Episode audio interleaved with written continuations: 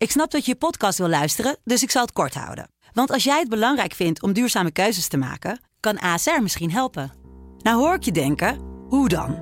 Nou, bijvoorbeeld bij het duurzaam herstellen van schade. Of de premies die we beleggen volgens ons duurzaam beleggingsbeleid. Dat bepaalt waar we wel en juist niet in investeren. Wil je meer weten over welke duurzame keuzes ASR maakt? Ga dan naar asr.nl/slash duurzame keuzes. ASR doet het. Zo, dan kan je nu lekker naar je podcast luisteren.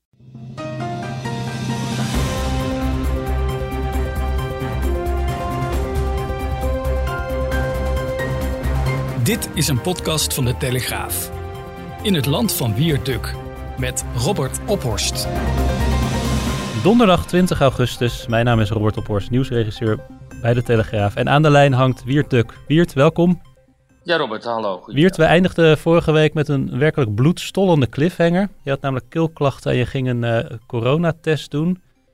Oh ja. Kan je ons ja. uh, verlossen van deze knagende onzekerheid die ons al de hele week plaagt? nou, wat een uh, fijne blijk van medeleven. Um, nou ja, die was, is natuurlijk negatief geweest, anders had ik hier nu, nu niet uh, deze podcast te doen. Um, mij viel wel op, ik had heel veel van die horrorverhalen ge gelezen en gehoord um, op de so sociale media. Je moet niet altijd alles geloven hè, wat je op sociale media leest.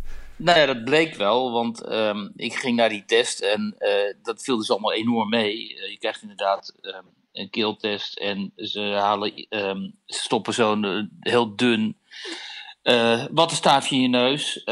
maar zo diep als telkens wordt gesuggereerd en zo gaat het helemaal niet. En ja, je krijgt even wat tranen in je ogen misschien, maar daarna is het ook alweer voorbij. En in mijn geval, maar goed, het was op zaterdag die test had ik al aan het eind van de middag de uitslag. Dus het was, dat ging allemaal heel erg snel. Dus uh, in mijn geval is het allemaal perfect uh, verlopen, moet ik zeggen. Ja, dat is inderdaad snel. Ja. ja. Ik was ochtends om acht uur getest en ergens in het eind van de middag of zo had ik die, uh, had ik die uitslag. Dus kon ik weer keurig gewoon mij onder de mensen begeven. Dus dat was prima. Ja. We hebben een uh, druk programma, om het zo maar even te noemen. We gaan het hebben over um, onder andere de, de, de coronamaatregelen die deze week zijn afgekondigd. Of misschien het gebrek daaraan. Het was vooral een waarschuwing. Uh, we gaan het hebben over mensen die uh, ontzettend lang nog met restklachten kampen als ze corona hebben gehad. complotdenkers die zich daarmee mee bemoeien. De al dan niet toenemende weerstand tegen de coronaregels. We gaan het hebben over het debat over de loonsverhoging in de zorg of de beloning van het zorgpersoneel. De uh, roofbouw op de politie die er gepleegd wordt. We gaan het nog even hebben over bol.com en uh, Zwarte Piet. Of althans vooral dan de, de, de webcare afdeling van uh, bol.com. En je wilde het ook nog even hebben over Lukashenko. Nou, nou, ja, kijk, die eerste vier onderwerpen, dat is natuurlijk één thema. Dat is ja. namelijk corona en hoe gaat de samenleving... Ja, voordat de luisteraars denken, ik moet nog meer ja. doen vandaag. Precies. Dus uh, het gaat nu natuurlijk om het feit dat we in een situatie zijn gekomen die heel veel mensen uh, niet wensen. De meeste mensen, en dat, dat, dat, zul je zelf ook hebben, uh, bij jezelf hebben gemerkt, die dachten toch in een wat losse regime terecht te kunnen komen nu na de vakantie. Uh, we hadden de hoop dat het allemaal wel zou meevallen, dat het aantal infecties zou afnemen en dat we, eind, dat we langzaam eigenlijk uit die corona-hel bevrijd zouden worden. En uh, dat, dat uh, is niet zo. En het kabinet heeft um, afgelopen week in die persconferentie behoorlijk op de rem, is behoorlijk op de rem gaan staan. Ehm, in ieder geval wat, wat betreft de verwachtingen. Nou ja, niet zozeer wat betreft inderdaad nieuwe maatregelen, hè, want dat, dat, dat is prima. Dat nu wordt gezegd, we gaan het per regio bekijken. Dus Amsterdam, Rotterdam, waar het aantal besmettingen heel snel toeneemt, uh, die moeten aparte maatregelen gaan nemen. Nou, dat is ook wat wij al in de podcast ook al heel lang hebben uh, gezegd. Uh, dat je niet een landelijk beleid moet voeren, maar een regionaal beleid in dit soort kwesties. dus dat is goed. En, maar um, wat ze heel duidelijk hebben gezegd, wat Rutte heel duidelijk heeft gezegd, is dat je toch niet moet denken dat dit virus uh, omdat jij zou willen wensen dat het er niet meer is, uh, er ook daadwerkelijk niet meer, niet meer is. Uh, dat virus houdt niet echt rekening met wensdenken. En wat dan opvalt is dat er zo ontzettend veel mensen zijn die die gedachte eigenlijk niet kunnen accepteren, omdat ze A. vinden dat die lockdown, of de, we zitten niet eens in de lockdown, maar de situatie waarin we terecht zijn gekomen, waarin je af en toe een monddoekje moet opdoen en zo, en waarin je geen grote feesten mag houden, waarin huwelijken niet te kunnen doorgaan, dat soort dingen. Zij, eh, zij vinden die situatie acceptabel, dus ze hebben liever dat we toch gewoon de risico's nemen en accepteren en gewoon doorgaan met een normaal leven. Ook omdat het uh, de economie zich zo aanschaf, uh, aantasten, maar ook omdat ze vaak helemaal niet geloven, en dat is het opmerkelijke, helemaal niet geloven in het verhaal dat corona een nieuwe ziekte is, of COVID moet je zeggen, een nieuwe ziekte is, die hele ernstige gevolgen kan hebben ook voor mensen die wel jonger zijn dan 80 of 70. Um, daar gaan we het zo over hebben, dat verhaal van mij vandaag in de krant. Um, maar ze geloven dat gewoon niet. Um, en dat, dat is ook het schokkende wat je ziet op de sociale media, op Twitter, op internet. Maar dat is niet iets wat zich alleen op internet afspeelt. Dat er zo ontstellend veel mensen zijn die zeggen die maar blijven zeggen, ja, maar aan, griep, aan een flinke griep ga je ook dood. Of um, nee, maar al die mensen die zijn overleden aan corona, die hadden allemaal onderliggend lijden, die waren allemaal te dik of ze hadden um, uh, diabetes, noem maar op. Um, dus het heeft zich echt in die hoofden gewoon vastgezet als een soort, als een soort, soort uitweg uit kennelijk een situatie die die mensen gewoon niet kunnen accepteren, niet verdragen. Dat is een heel interessant sociologisch en psychologisch fenomeen, vind ik. Dus omdat wij kennelijk gewend zijn om altijd maar in grote vrijheid en ook in de grote luxe eigenlijk vaak en hè, in een groot soort van gemak, sociaal gemak te leven. En nu sinds een half jaar worden geconfronteerd met uh, ernstige restricties op dat leven, zijn er gewoon ontzettend veel mensen die dat niet langer willen um, accepteren. Um, ja, en dat, dat stelt je uh, niet alleen ons persoonlijk voor allerlei vragen, maar natuurlijk ook de politiek en de gezondheidszorg. Want deze mensen die krijg je gewoon niet meer in het gareel. Mm -hmm. Ja, precies. En wat, wat zou het kabinet kunnen doen? Nou ja, veel meer dan wat ze nu, nu doen. Uh, is het niet mogelijk, denk ik. Omdat als je dus, hè, zeg maar, als je echt draconische maatregelen zou gaan invoeren, bijvoorbeeld hele hoge boetes, ja, dat gaan mensen, dan, dan krijg je nog, nog meer weerstand en een nieuwe lockdown. Dat gaan we gewoon niet overleven. Ja, dus grondwettelijk uh, kunnen ook heel veel dingen niet.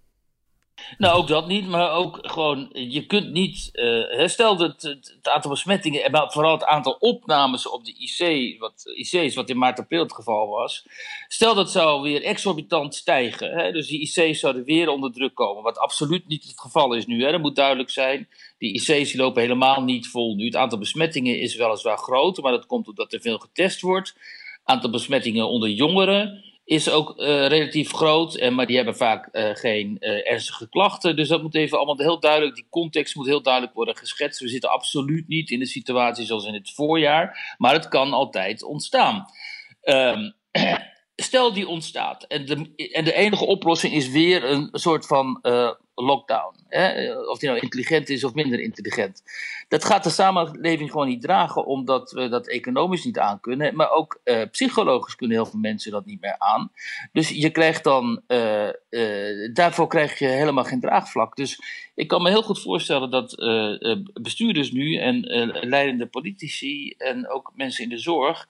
Behoorlijk zitten te zweten nu als we kijken naar die cijfers en als ze vooruitlopen op wat er eventueel, wat de situatie eventueel over drie, vier weken uh, zou kunnen worden. En helemaal in de herfst, als we weer allemaal binnen gaan zitten.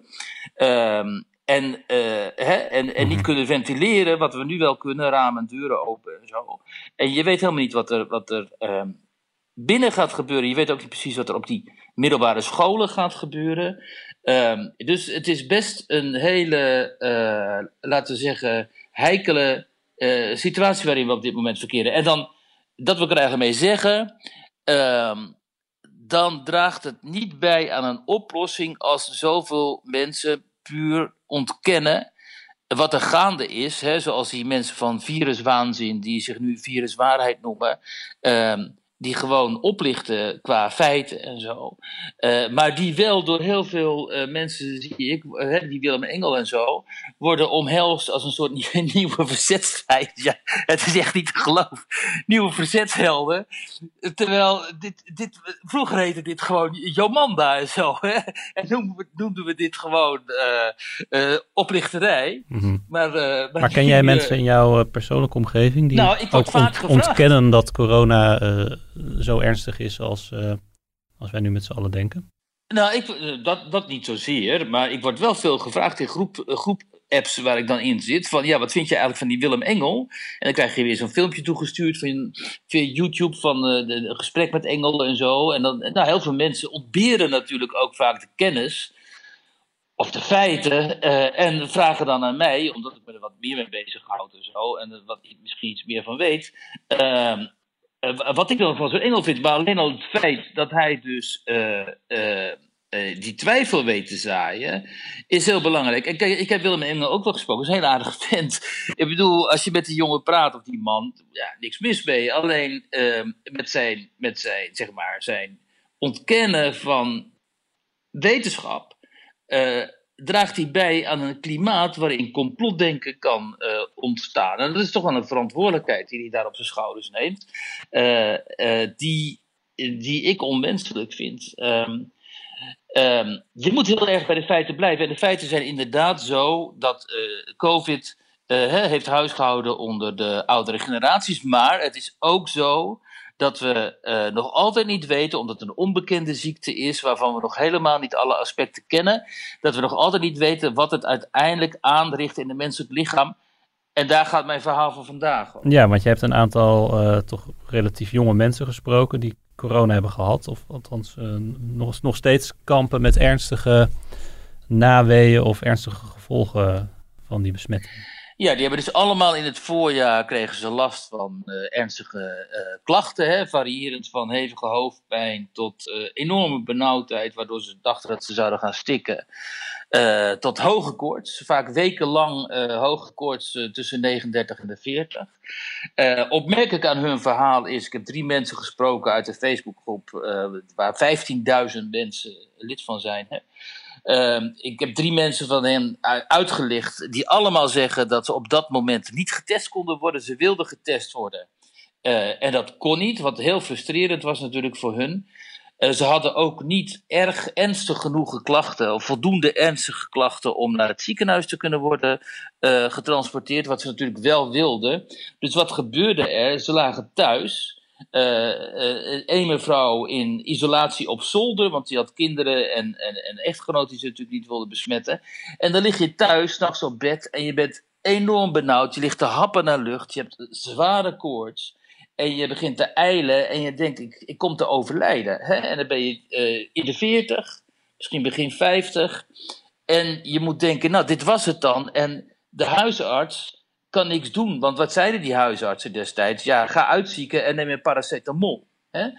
Want dat was de situatie. Zo, dat, dat moeten mensen zich goed realiseren. Dat was voor deze mensen de, de, situatie. Nou, dat is natuurlijk enorm traumatiserend. Als je de, de, de weg naar het ziekenhuis is afgesneden, dus je weet dat je geen specialistische hulp gaat krijgen, de huisarts kan jou niks beter aanbieden dan een paracetamol. Onder andere ook omdat de inspectie op dat moment een, een um, uh, recept van uh, hydroxychloroquine met zink en een antibioticum had verboden. Een recept dat aantoonbaar inmiddels uh, uit alle onderzoeken, allerlei onderzoeken blijkt dat in de eerste lijn, in, in, in de eerste dagen van de besmetting, uh, succes kan opleveren. Hè? De Rob Elens, de huisarts in Limburg, heeft dat aangetoond. Maar inmiddels zijn er allerlei artsen die dit hebben aangetoond. Dat, dit, dat het op zichzelf een succesvolle aanpak kan zijn als het heel snel gebeurt. En als het uh, uh, in hoge doseringen in de eerste dagen.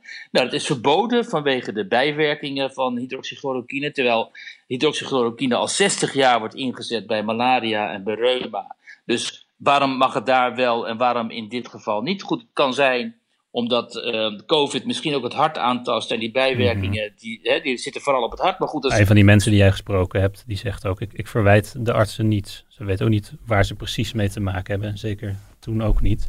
Nee, een van die mensen zegt inderdaad van, ik, ik wilde wel graag uh, dat recept met hydroxychloroquine, maar dat mocht niet. Maar dan kan ik de huisarts niet verwijten, want wisten zij veel op dat moment. Maar je, bent, hè, je hebt hier dus te maken met een soort van generatie pioniers, COVID-pioniers, daar komt het op neer, die het hebben overleefd. Heel veel mensen hebben het natuurlijk niet overleefd, maar die het hebben overleefd. En waar we eigenlijk het over moeten hebben is hoe ernstig hun restklachten nu zijn. Ze zijn nu vijf, zes maanden verder, deze mensen. Uh, en ze zijn nog altijd uh, benauwd. Hun condities uh, van een enkeling uh, is nog steeds heel slecht. Ehm, van een van die mensen is het inmiddels die, zegt dat hij 99% hersteld is, maar die heeft ook heel hard aan zichzelf gewerkt. En ook geestelijk heeft hij heel hard aan zichzelf gewerkt. Um, maar in die Facebookgroep vertellen dus heel veel mensen hoe ze te kamp hebben met die restschade. En uit steeds meer onderzoeken blijkt nu dat, uh, dat COVID door je hele lichaam gaat. Hè? Dus dat het je hart kan aantasten, je longen, je nieren, je lever. Dus al die organen. Uh, en dat wij nog niet weten in hoeverre dit ook bij jongeren die milde klachten uh, vertonen. Uh, het geval is. Dus het kan zijn dat ze milde klachten vertonen. Hè? Misschien een beetje hoesten. Of misschien een paar dagen koorts krijgen. En dan gaat het weer weg. Maar het kan best zijn, toch zijn dat uh, COVID dan toch uh, heeft huisgehouden in die lichamen. Um, nou, dat, dat, dat is allemaal nog voor de toekomst natuurlijk. Uh, dat moet worden onderzocht. Maar we krijgen daar ook mee te maken op het moment dat de middelbare scholen open gaan. Uh, en als die tieners elkaar gaan besmetten, omdat uit onderzoek blijkt dat inderdaad jonge basisschoolkinderen nauwelijks besmettingen overdragen. Of nauwelijks het virus overdragen. Maar tieners natuurlijk wel. En ja, die gaan nu met elkaar naar school zometeen. Dus. Um, dat, dat, wordt nog, dat kan nog wat worden. Gesproken over jongeren, de afgelopen dagen beelden uit uh, Utrecht, uh, Den Haag vooral. Reddende jongeren, boos dat er te weinig uh, jeugdhonken zijn. Ze vervelen zich zo door corona en de politie is natuurlijk ook enorm racistisch. Dus die, die, die staan op en beginnen ja, met, met, met vuurwerk en stenen te gooien. Ja, ja, ja. Dit bedoelde jij natuurlijk ironisch, dat de politie racistisch zou zijn. Ik, ja, uh, voor alle duidelijkheid. Hè. Um, uh, ja, dat is, dus, uh, dat is dus ook zoiets. Kijk, de, we hebben vandaag een groot stuk van collega Martijn Scholenberg in de krant, die um, de politiewoordvoering aan het woord laat.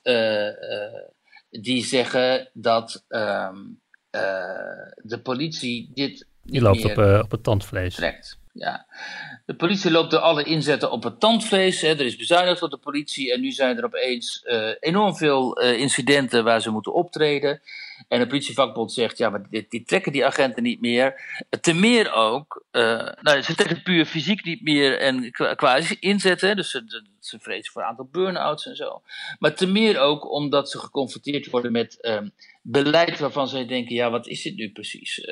wat, die, hè, wat onze wat, onze, zeg maar, wat de autoriteiten van ons uh, willen. Zoals in, uh, in Utrecht, toen al heel lang duidelijk was dat uh, het daar uit de hand zou gaan lopen op Kanaleneiland. En ehm, het, de bestuurders, zeg maar. Ja, er ehm, werd in de driehoek besloten om aanvankelijk af te wachten. ME stond klaar. Ja. Um, toen de ME eenmaal, toen ingrijpen eenmaal nodig was, toen was er eigenlijk weer een peloton ME'ers te weinig. Dus uiteindelijk duurde het, duurde het vrij lang voordat de ME in actie kwam. Daarvan zegt uh, politiechef Sitalsing ook, dat hadden we in ieder geval achteraf gezien uh, anders moeten doen. Ja, Sitalsing die zegt, ja, achteraf gezien hadden we toch misschien wel eerder moeten ingrijpen. Ik snap niet hoe dat kan, waarom je dat denkt. A, snap ik niet waarom je denkt dat uh, uh, je kunt de-escaleren, terwijl deze jongens uit zijn op, op rellen. Maar goed, dat is misschien een tactisch besluit van de politie, dat weet ik ook niet precies hoe dat functioneert. Maar B, dat je dan toch moet toegeven dat je je misschien vergist hebt en dat je eerder had moeten ingrijpen. Uh, dat is natuurlijk heel lullig. En vooral ook, en dan citeer ik uit het stuk van uh, Mick van Wely, uh, omdat die politiemensen uit die regio Utrecht zo'n zorgwekkend beeld schetsen. En dan ga ik even citeren. Een van die mensen zegt anoniem: Dit is notabene de omgeving waarin Ridwan Taghi groot werd en een organisatie op kon zetten. Maar de alarmbellen zijn niet afgegaan. Politie en gemeente hebben totaal geen grip op deze probleemwijken. Het ontbreekt ook aan slagkracht. In alle onderdelen en regio's in Midden-Nederland hebben wij te weinig mensen. Uh, enzovoort, enzovoort. De nachtdiensten in Overvecht draaien met drie man. Maar cruciaal in deze, in deze quote is dat de alarmbellen niet zijn afgegaan. En wat deze agent die zegt, en die man die staat natuurlijk met zijn laarzen in de modder, dat is, dit is de omgeving waarin gangsters als Taghi uh, groot zijn geworden en een organisatie hebben opgezet. En dat is natuurlijk ook de, de, de, wat je hier moet begrijpen dat die railschoppers, die dus uh, hè, wat vaak Marokkaanse Nederlandse jongeren zijn, die dus totaal geen respect tonen voor de rechtsstaat en voor ehm, de manier waarop wij de samenleving hier hebben georganiseerd en opgebouwd, dat die vatbaar zijn ook voor het ehm, lonkend perspectief Ehm, de zware criminaliteit in te gaan. En als je hen in Den Haag en Utrecht als overheid de indruk geeft van dat ze gewoon hun gang kunnen gaan. Hè, en dat er toch niks gebeurt, uh, omdat we eigenlijk als samenleving bang zijn voor dit type straatterreur. En dat we niet willen escaleren, zoals dat dan heet, in plaats van dat je gewoon volop gaat, zoals in Marokko wel het geval zou zijn, hè, wat deskundigen ook zeggen, in Marokko hadden deze jongens zich dit nooit veroorloofd, dan geef je de indruk dat als je eenmaal in die zware criminaliteit zit, dat het ook allemaal wel mee zal vallen. En vaak valt het ook heel erg mee natuurlijk met de straffen die die jongens krijgen. Dus de, de, uh, nu zullen heel veel zeg maar, linkse sociologen en weer het verband gaan ontkennen. Maar natuurlijk is het voor die jongens zo, die sowieso al helemaal in die marge van die samenleving, in hun eigen subcultuur leven. En voor wie mensen als Itaghi en zo helder zijn. Natuurlijk is het zo dat zij makkelijker vanuit die straatterreur dan ook uh, die georganiseerde misdaad ingrijpen. Omdat dat culturen zijn die, die met elkaar zijn uh, verweven. En dat is een punt wat heel belangrijk is en wat heel vaak door de wegkijkers, zoals wij dat vandaag ook in de krant noemen, uh, gewoon keihard uh, wordt verzwegen. Om maar niet uh, die jongens in een, hè, in een crimineel daglicht te, te, plaatsen. Maar ja, feiten zijn feiten. Dus ik zou hebben gezegd, je had daar gewoon onmiddellijk, toen duidelijk werd dat in Utrecht ook gereld zou worden, had je gewoon die wijk ongeveer af moeten zetten en moeten voorkomen dat jongens er überhaupt binnen konden komen of op een scooter zou konden rondrijden. Dan had je als overheid eindelijk eens een keer gewoon slagkracht getoond en getoond dat het geweldsmonopolie ook jou, aan jouw kant staat en uh, niet elders. Maar ja, dit is Nederland. Dan moet alles gepolderd worden en altijd moet een poging worden gewaagd om te deescaleren. Maar al die pogingen tot deescalatie hebben niet echt geleid tot uh, een um, laten we zeggen, een uh, fijne situatie in die wijk. Woensdag uh, debat in de Tweede Kamer over de zorgbeloning. Hoe heb je daarnaar gekeken? Ja, dat is natuurlijk vooral een heel symbolisch debat, omdat een, uh, kort geleden nog stonden met z'n allen te klappen voor die mensen in de zorg. Dat waren onze zorghelden. Overal in Nederland waar ik kwam zag je pamfletten en billboards en weet ik veel, uh, vlaggen en en andere soortige slogans eh, waarin de helden uit de zorg werden bedankt voor hun inzet en voor hun werk. En dan is het natuurlijk heel wrang op het moment dat het dus wordt gepleegd uh, door voor meer uh, salar, hogere salarissen en meer geld. Dat, dan, uh, dat men het dan laat afweten. Um, dus um, het was natuurlijk voor, ook voor de coalitie um, qua symboliek veel beter geweest als men hier wel in was meegegaan. Maar heb jij begrip voor het argument van um, ja, meer loon per se is niet, uh, is niet de oplossing voor de problemen die er spelen in de zorg? Het gaat ook over administratieve druk, het gaat überhaupt over werkdruk. Um, en uh, ja, dat hebben wij een paar weken geleden ook geschreven. Er is 2 miljard euro begroot om überhaupt de lonen in de zorg gelijk te trekken, of althans uh, een beetje in pas te laten lopen met de inflatie. En de eenmalige zorgbonus van 1000 euro kost in totaal ook 800 miljoen op een, op een zorgbegroting die toch al is opgelopen tot 80 miljard euro per jaar. Ja. Dus het is natuurlijk, iedereen gunt, denk ik, die mensen meer loon. Um, maar het is wel een flink prijskaartje wat eraan hangt. En de vraag is ook of je alle problemen daarmee oplost. Uh, ja, dat is ook zo. Alleen uh, dat is het wrangen aan de politieke situatie waarin wij zitten. Hè? Uh, de pleitbezorgers van meer loon die kunnen altijd zeggen van ja, het kost inderdaad veel geld. Maar ja, we sturen ook heel veel geld hè, naar zuidelijke Europese landen. En wat doen die zuidelijke landen daarmee? Die gaan de pensioenleeftijd in ieder geval niet verhogen, maar eerder verlagen.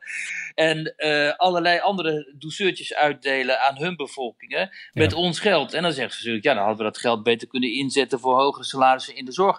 En dat wordt dan een populistisch standpunt genoemd. Maar dat krijg je. Dat krijg je als je, um, uh, als je iedereen maar moet proberen, hè, als je in Europa moet proberen om uh, uh, die zuidelijke landen tevreden te stellen, want je moet solidair zijn. Terwijl je in eigen land uh, dan geen geld meer overhoudt om die mensen in de zorg uh, te belonen. Dat is een kwestie van prioriteiten stellen. Als Nederland had gezegd, ja, dat doen we niet we, we, moeten, we willen niet op die manier solidair zijn, omdat we weten wat er met dat, dat, hè, dat uiteindelijk van die beloftes van die zuidelijke landen, namelijk hervormingen en een verantwoordelijke besteding van die gelden en zo. We weten uit ervaring, dat hoeveel jaren, hoeveel decennia ervaring hebben we wel niet met die landen. We weten dat er toch niks van terecht gaat komen. Uh, dus een realistische eh, visie had gehad, als we die hadden gehad, in plaats van weer een soort van half idealistische visie, ja, dan uh, we hadden misschien wel geld gehad voor die uh, mensen die we helden noemen, maar die we niet als zodanig uh, belonen. Even bol.com. Die hebben ook hun uh, huisregels aangepast. Of althans, ze uh, hebben Zwarte Piet in de ban gedaan. Producten met Zwarte Piet, Zwarte Piet pakken. Die worden niet meer verkocht via het platform. Sommige mensen kwamen daar vragen en opmerkingen op. En de webcare afdeling van uh, Bol die draaide op sociale media gisteren in ieder geval overuren. Wat vond je daarvan? Ja. Over de manier waarop dat. Uh, nou ja, die webcare-medewerkers gingen heel ironisch uh, mensen die hem bekritiseerden, die Bol.com bekritiseerden vanwege dat Zwarte Piet-beleid, gingen heel ironisch al die mensen afzeiken. Alsof het een soort uh, eencelligen waren die, uh, die, niet intelligent genoeg zijn om te begrijpen wat voor uh, intelligent um, censuur, laten we zeggen, intelligent um, keuzebeleid Bob.com erop nahoudt. Nou, dat leek me nou niet helemaal de juiste houding. Kijk, het is sowieso enorm opportunistisch van Bol.com en andere organisaties om uh, Zwarte Piet en uitingen van Zwarte Piet en zelfs leuke kinderfilms over Zwarte Piet, begrijp ik, en boeken over Zwarte Piet, om die te gaan uh, boycotten, althans om die niet meer te verkopen, terwijl je tegelijkertijd op jouw website nog antisemitische literatuur verkoopt en ook hele ronzige incestporno-video's, uh, zag ik, waarin gesuggereerd wordt dat familieleden met elkaar het bed induiken. Hoe kun je nou het één, wat toch heel onschuldig is, is die Zwarte Piet, hoe kun je dat nou, dat nou uh, verbieden en in zo'n mate ook, terwijl je die andere uitingen van toch wel erg grote smakeloosheid um, uh, uh, blijft. Um, ja. Nou zag ik tussen de. In je, in je, in je catalogus blijft ja. houden. Nou zag ik tussen de ironische antwoorden van de, de webcare-afdeling door ook wel. dat ze hier serieus op ingingen. Daarvan zeggen ze ook van ja, dat, dat, daar moeten we ook uh, beter naar kijken. En als we daar klachten over krijgen, dan pakken we dat ook aan. En zij zeggen zelf, wij krijgen een hoop uh, op- en aanmerkingen en klachten over die uh, Zwarte Piet producten. En dat is voor ons de reden geweest om, om ja, te besluiten dat niet meer te verkopen. Of ja, althans dat niet meer aan te bieden. Omdat die activisten, die trekken overal aan de bel. Hè, die anti-Zwarte Piet activisten, die houden zich overal onledig met het aanklagen en proberen te cancelen van alles wat met Zwarte Piet te maken heeft. Dus ook bij bol.com. En, en, maar het probleem is dat zo'n organisatie dan daar zo extreem gevoelig voor, uh, voor is. Um, kijk, um, en wat ze nu zeggen is. Als, als je dan vraagt, zeg, waarom uh, verkopen jullie dan wel die harde porno en die gangsterrap?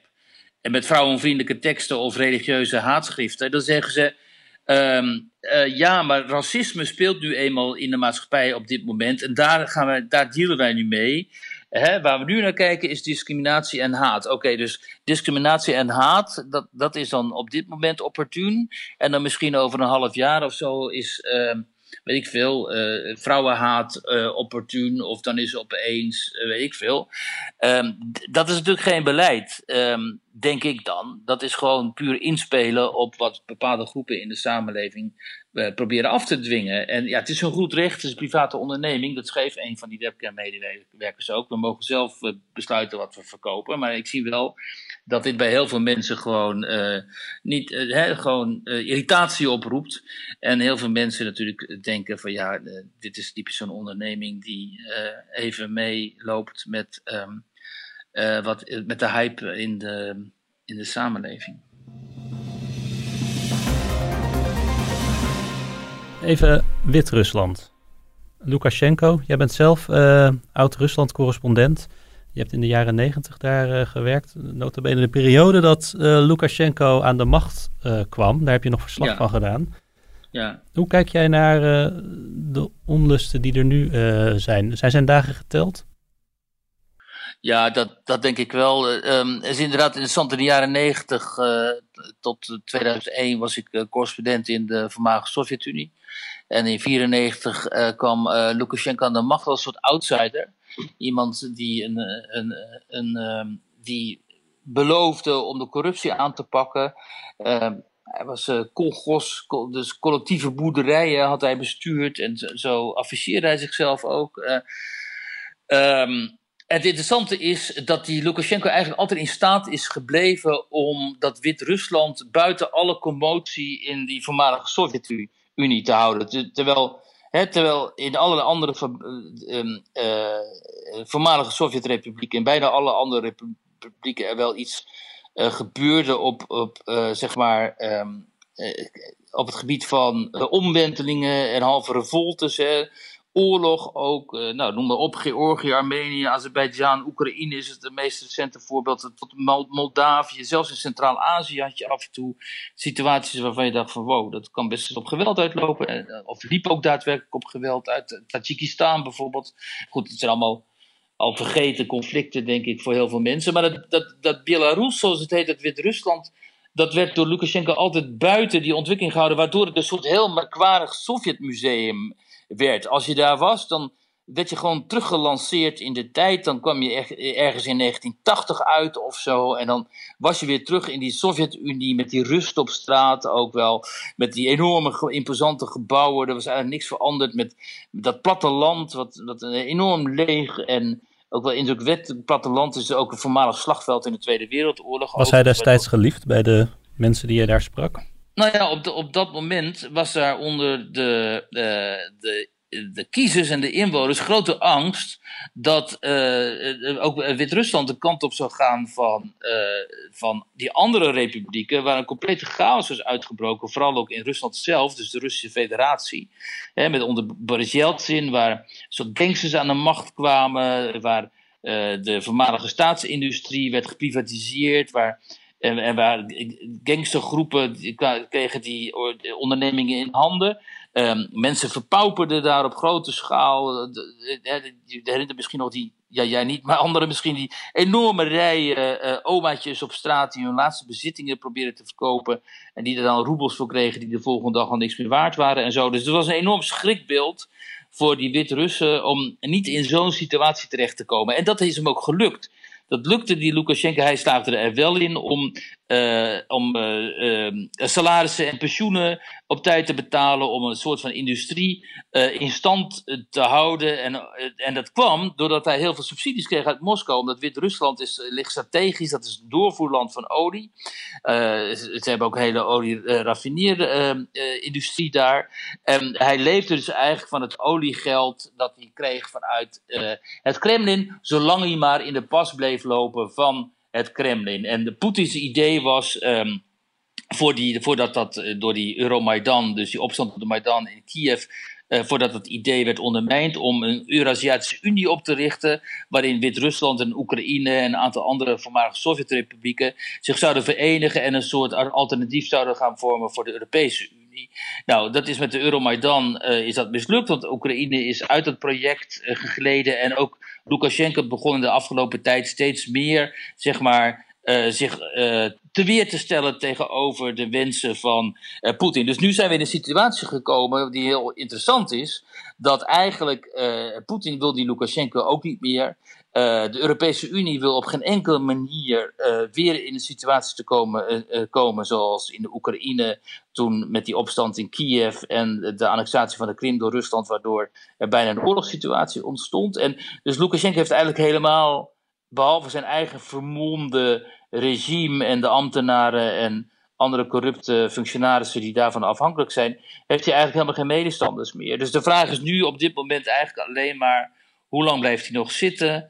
Wanneer slagen Rusland en de Europese Unie en de oppositie in Wit-Rusland erin om een soort overgangsregime. Maar wat denk je, uh, zien we daar uh, volgende week Guy Verhofstadt en Hans van Balen met gebalde vuisten de menigte toespreken?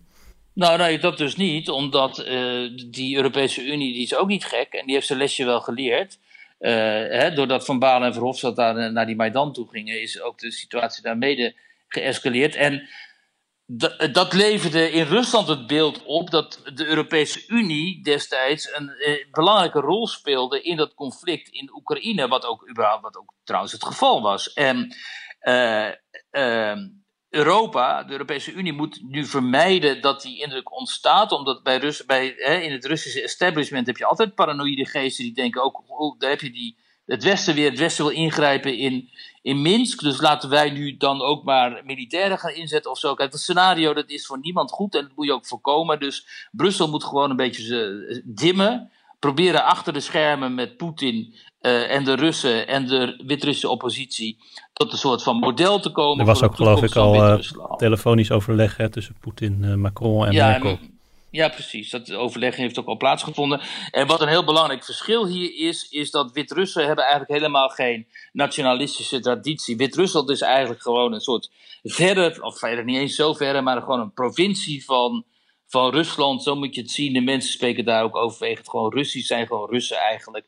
Hebben nauwelijks uh, nationalistische uh, gevoelens. Uh, anders dan dat ze niet willen worden, zeg maar, overheerst echt vanuit, vanuit Moskou. En dus het is niet zo dat zij nu op dit moment die oppositie vol zitten met allerlei pro-Europese Unie of pro-Westerse emoties. Ze willen gewoon dat die corruptie eindigt, dat er een soort van moderniteit en dat, dat er ook democratie komt in dat land, wat allemaal hele gerechtvaardigde uh, eisen zijn. En die Lukashenko staat gewoon voor een hele archaïsche, oud Sovjet-model, wat natuurlijk totaal uitgewoond en uitgeleefd is, waar welk niemand nog iets aan heeft. Welk lot rest hem dan? Zit hij uh, binnenkort naast uh, oud-koning Juan Carlos in de Verenigde Arabische Emiraten een cocktail te sippen?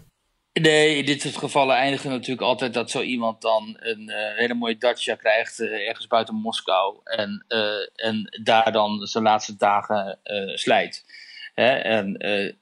En, of misschien krijgt hij wel, als het niet uit de hand loopt qua geweld, krijgt hij gewoon een Dacia buiten Minsk. Of die heeft hij natuurlijk al en kan hij gewoon daar zijn, zijn levensdagen slijten. Het is in ieder geval belangrijk dat een einde komt aan ook zijn dynastieke wensen. Want hij heeft een zoontje, Kolja, die is inmiddels 15 en die heeft hij al uh, meegenomen de afgelopen jaren de hele wereld over om hem voor te bereiden op een eventuele dynastieke opvolging. Ja, dat wil je natuurlijk niet in het hart van Europa. En dus, dus dat moet worden gewoon afgesneden. En dat land moet een min of meer een normaal land in het hart uh, van Europa gaan worden. Maar het is wel interessant om te zien hoor, hoe, of, of Rusland dat kan toestaan en ja, wie ze uiteindelijk, zij uiteindelijk, uh, dus de Russen naar voren gaan schuiven als hun uh, favoriete kandidaat. We gaan het zien. Wiert, dankjewel weer. Dankjewel. Alle luisteraars ook bedankt en graag tot volgende week weer. Tot volgende week. Interesse in meer podcasts? Luister dan naar Afhameren met Wouter de Winter. Een wekelijkse podcast met het laatste nieuws uit Den Haag. Scherpe analyses, opmerkelijke fragmenten en een blik achter de schermen.